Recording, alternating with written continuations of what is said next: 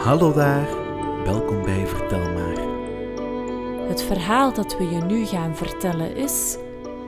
Repelsteeltje. Er leefde eens een arme molenaar die een heel mooie dochter had. Toen hij op zekere dag bij de koning op bezoek was, wilde hij graag belangrijk lijken.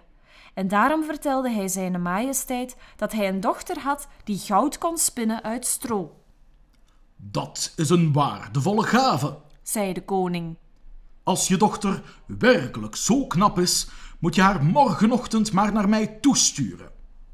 Toen het meisje de volgende dag kwam, bracht de koning haar naar een kamer die vol stro lag. Hij gaf haar een spinnenwiel en spoelen en zei: Ga aan het werk en spin de hele nacht door tot morgen vroeg. Als je dan dit stro niet in goud hebt veranderd, zal ik je laten doden. Hij deed de deur achter zich dicht en liet haar alleen achter. De arme dochter van de molenaar ging bij het stro zitten en wist natuurlijk niet wat zij in hemelsnaam moest beginnen.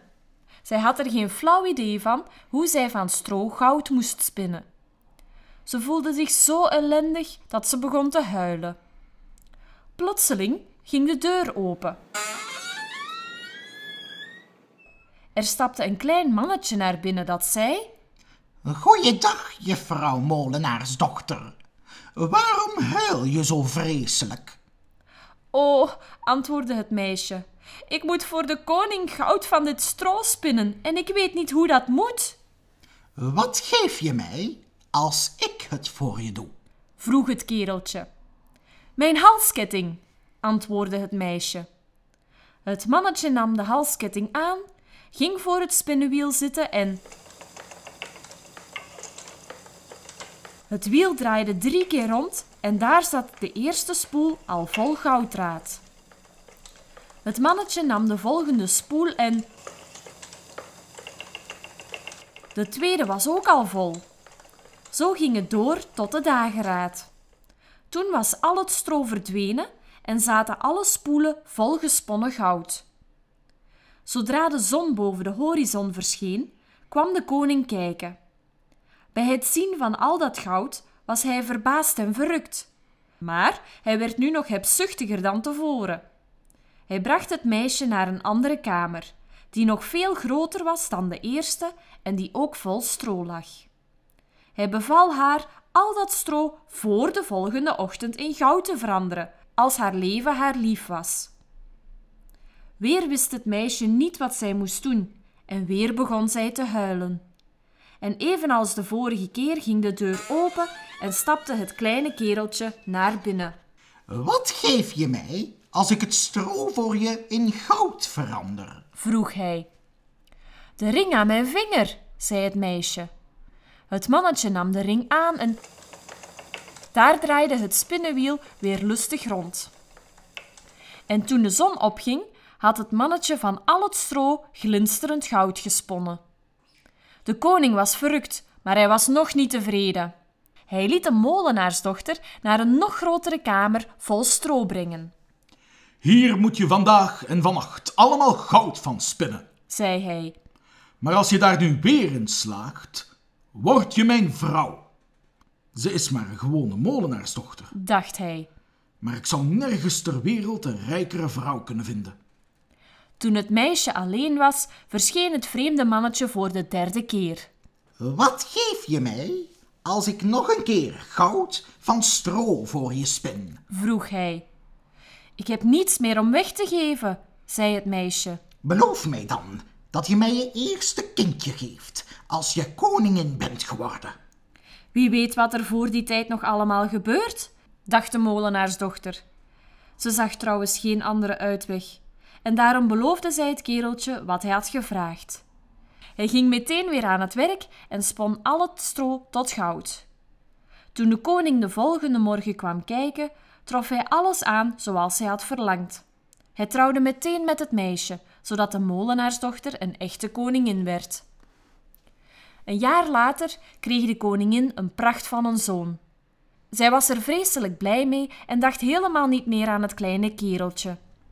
Maar op zekere dag stapte dat mannetje haar kamer binnen en zei: Nu moet je mij geven wat je me hebt beloofd. De koningin schrok verschrikkelijk en zij bood de kleine man alle schatten van haar koninkrijk aan, als zij het kindje mocht houden. Maar het kereltje zei: Nee, nee, ik heb liever een levend schepsel dan alle schatten van de hele wereld. De arme koningin begon zo vreselijk te huilen en te jammeren dat het kereltje medelijden met haar kreeg. Als je binnen drie dagen raadt hoe ik heet, mag je je kindje houden. zei hij.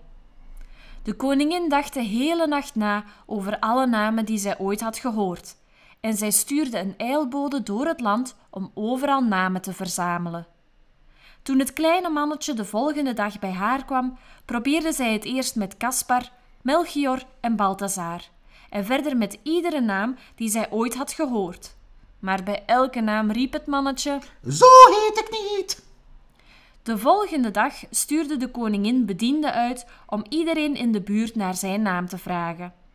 Zo kreeg zij een lange lijst met heel bijzondere namen, die zij het mannetje allemaal ging voorlezen. Heet je misschien Huilenbak, Leentje Buur, Spillebeen? Maar hij antwoordde altijd weer. Nee, zo heet ik niet. Op de derde dag kwam een van de eilboden terug bij de koningin en zei: Majesteit, ik heb geen nieuwe namen kunnen vinden, maar ik kwam aan de andere kant van het woud bij een hoge heuvel, waar de vossen en hazen elkaar goedenacht wensen. Ik zag daar een klein huisje staan. Er brandde een vuur voor en rond dat vuur danste een heel raar mannetje. Hij huppelde van het ene been op het andere been en hij zong Vandaag ga ik braden, morgen bakken. Morgen krijg ik het kind te pakken. Ik ben zo blij dat niemand weet dat ik Repelstiltje heet. Je kunt je wel voorstellen hoe blij de koningin was bij het horen van dat verhaal. Even later kwam het kleine kereltje binnen en vroeg: En, beste koningin, weet u al hoe ik heet? Eerst vroeg ze: Heet je Conrad? Nee, Harry? nee, Heet je dan misschien Repelsteeltje? dat heeft een boze geest je verteld. Dat heeft een boze geest je verteld. schreeuwde het mannetje. Hij stampte met zijn rechtervoet zo hard op de grond dat zijn been tot aan zijn middel door de planken schoot. Nu werd hij nog razender. Hij pakte zijn linkervoet met allebei zijn handen beet en scheurde zichzelf in tweeën.